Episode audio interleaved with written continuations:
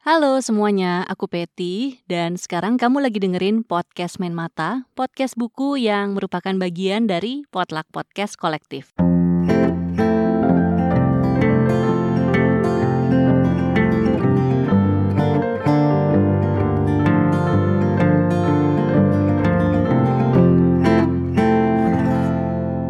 Follow di Instagram at Podcast biar kamu nggak ketinggalan kalau misalnya ada episode terbaru. Nah sekarang kamu lagi dengerin program spesial Dengar Sastra Bicara yang bekerja sama dengan penerbit Kepustakaan Populer Gramedia, Gramedia Digital, dan 11 podcast buku lainnya. Dengar Sastra Bicara tayang setiap Rabu dan Minggu sampai Januari 2022 di Spotify dan siapabilang.com. Kali ini aku mau bahas satu buku yang menurutku cocok banget nih buat jadi bacaan santai akhir atau awal tahun. Judul bukunya When Everything Feels Like Romcoms karya Chandra Aditya. Jadi Chandra Aditya ini seorang filmmaker dan dia juga film reviewer ya. Terus kalau nggak salah, novel ini tuh novel pertamanya dia. Nah, dari Twitternya Chandra sendiri, waktu itu aku lihat ya sempet nama akunnya itu at Kocan Dedi Riko. Riko tuh nama kucingnya by the way. Lucu banget kucing orange intinya dari Twitter Chandra waktu itu dia sempat bilang novel When Everything Feels Like Romcoms ini ditulis sekitar 8 tahun. Tapi on off ya nulisnya. Dan dari novel Chandra yang ini emang kelihatan banget kalau dia sebagai penulis emang suka banget nontonin film romcoms. Nanti aku akan ceritain lebih lanjut ya, tapi sebelumnya aku mau cerita dulu sinopsisnya. Jadi buku When Everything Feels Like Romcoms ini ceritanya tuh tentang dua orang pekerja film namanya Reza dan Kimi. Reza nih seorang sutradara, dia tuh sutradara sinetron ya dikenalnya. Dia lagi mencoba membuat film panjang pertamanya gitu. Ya tapi proyek film panjang pertamanya ini gagal gitu ya di tengah jalan. Soalnya dia ceritanya nih diminta sama bosnya buat make seorang aktor buat tokoh utama dan aktornya ini tuh bisa dibilang orang yang disebelin seantero pekerja film. Jadi dia kayak semacam influencer, followersnya banyak, fansnya gila, tapi nggak bisa acting dan kelakuannya nyebelin. Kebayangkan ya? Terus karena bosnya sudah bertitah demikian, ya apa boleh buat kan Reza harus ngikutin. Cuman ya suatu hari terjadilah clash di tengah lokasi syuting yang bikin intinya pada akhirnya Reza ini dipecat dari proyek film panjangnya ini.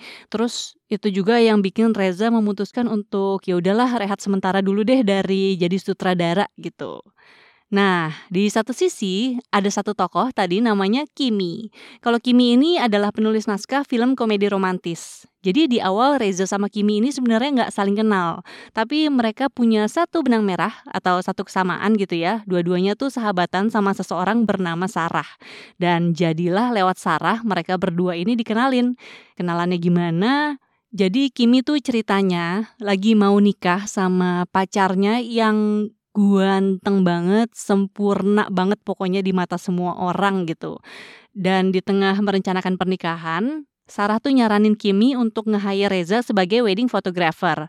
Soalnya waktu itu kan si Reza emang juga lagi between jobs kan. Jadi ya udah, akhirnya Reza dan Kimi awalnya ketemu untuk ngebahas tentang foto-foto pre-wedding sama weddingnya si Kimi nanti.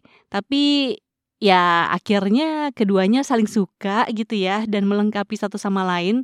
Tentunya ini juga udah bisa ketebak gitu. Cuman pertemuan mereka ya terjadi pada waktu yang salah dan akhirnya bikin segala sesuatunya tuh jadi kayak film komedi romantis gitu. Makanya judulnya seperti itu. Nah, itu tadi sinopsisnya. Kalau misalnya kesan dari aku sendiri, aku suka sih sama bukunya ya Terus kalau misalnya boleh kasih rating nih, biasanya aku nggak pernah ngasih rating sih, tapi ya nggak apa-apa lah ya. Aku kasih 3,75 dari 5 bintang. Soalnya ceritanya beneran kayak romcoms. Terus juga setiap babnya nih lucunya dikasih judul romcoms terkenal. Misalnya kayak ada Crazy Stupid Love, Something's Gotta Give, Before Sunset, Before Sunrise, Silver Linings Playbook, The Wedding Singer, 27 Dresses, Love Actually, dan masih banyak lagi. Terus tadinya tuh aku sempat ngira karena judul babnya ngambil dari film-film romcoms gitu ya, bakalan ada adegan dari film romcom itu yang jadi judulnya itu yang diambil buat jadi bagian dari cerita gitu. Tapi setelah aku baca-baca lagi sih kayaknya enggak ya. Aku sempet mikir keras banget waktu itu kayak ini bagian mana dari filmnya nih yang dijadiin cerita gitu. Tapi kayaknya nggak ada sih. Jadi judulnya emang lebih ke clue literal tentang apa yang bakalan terjadi di bab itu. Dan ceritanya tuh gemes banget.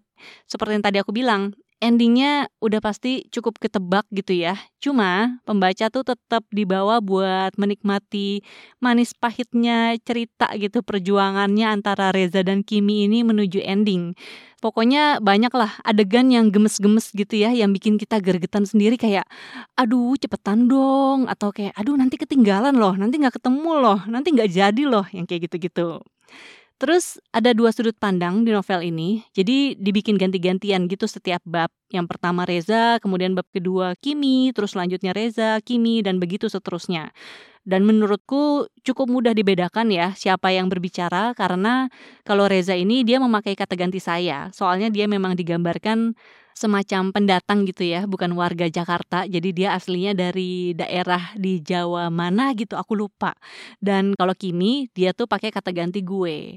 Terus karena aku memang cukup kenal juga dengan Chandra ya sebagai penulisnya dan pernah ngobrol juga beberapa kali, terus juga beberapa kali mendengarkan dia bercerita. Jadi buku ini tuh memang rasanya kayak ada Chandra gitu di setiap karakter tokohnya. Dan yang menarik karena latar belakang tokoh-tokohnya juga dari dunia perfilman Indonesia nih, secara otomatis kita juga disuguhkan semacam curhatan-curhatan di balik layar para pekerja film. Nah, kalau misalnya kamu suka nontonin film Indonesia juga, apalagi ada apa dengan cinta ya, dan terutama AADC yang pertama, pasti bakalan suka sama novel ini. Soalnya emang berasa novelnya tuh kayak dibuat penuh cinta banget buat film AADC 1. Ini tuh ditunjukin lewat banyak banget adegan, dan Kimi dan Reza pun sebagai tokohnya memang digambarkan penggemar AADC 1. Terus juga ada adegan mereka berdua tuh lagi teleponan gitu ya panjang sambil nontonin film AADC 1. Nah kalau AADC 2 gimana nih? Ya mereka bilang sih anggap aja nggak pernah ada gitu ya.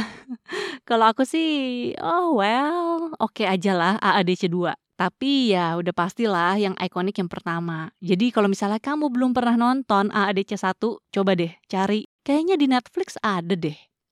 Jadi overall menurutku buku When Everything Feels Like Romcoms ini bagus, aku suka. Cuman ada satu ya yang menurutku sedikit mengganjal gitu. Um, ini bakalan spoiler nggak ya? Intinya sih menjelang ke bagian akhir, sudut pandang Kimi tuh kayak seolah dirahasiakan gitu. Karena kan tadi aku bilang ya, buku ini tuh dari dua sudut pandang. Jadi sebenarnya pembaca tuh bisa tahu apa yang ada di pikiran Reza dan Kimi di setiap babnya. Tapi di bagian akhir, menjelang ke akhir-akhir gitu deh, aku ngerasanya Kimi tuh sengaja dibuat seolah nggak tahu menau apa yang terjadi di belakang matanya dia. Tapi pas dihadapkan di situasinya, ternyata dia udah tahu semuanya. Kayaknya sih emang dibikin seperti itu tuh untuk faktor kejutan ya, kayak, "Oh ternyata Kimi udah tahu semua nih," gitu. Tapi ya jadi sedikit berasa ada yang bolong aja. Cuma menurutku itu juga bukan faktor besar yang merusak cerita kok. Buku When Everything Feels Like Romcoms ini aku bacanya di Gramedia Digital, tapi aku rasa versi fisiknya juga masih banyak ya tersedia di toko-toko buku gitu atau cari aja di official store Gramedia gitu di marketplace karena kan bukunya baru terbit juga tahun 2021 ini. Eh, mohon maaf, aku barusan ngecek bukunya terbit tahun 2020, tepatnya bulan Juni tahun 2020. Tapi ya masih baru setahunan berlalu sih, jadi harusnya masih ada kok.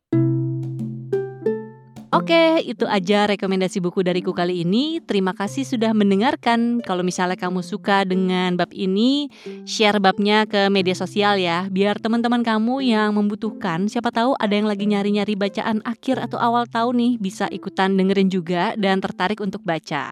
Terus jangan lupa ya, semoga nggak bosen-bosen nih aku ingetin buat dukung podcast Main Mata dengan follow di Spotify dan subscribe juga channel YouTube Potluck Podcast Kolektif. Soalnya kalau di situ aku suka ngerekomendasiin buku-buku yang nggak ada di platform podcast lainnya. Dan terakhir, jangan lupa follow juga Potluck di Instagram @potluckpodcast. Segitu dulu, sampai jumpa lagi. Dadah.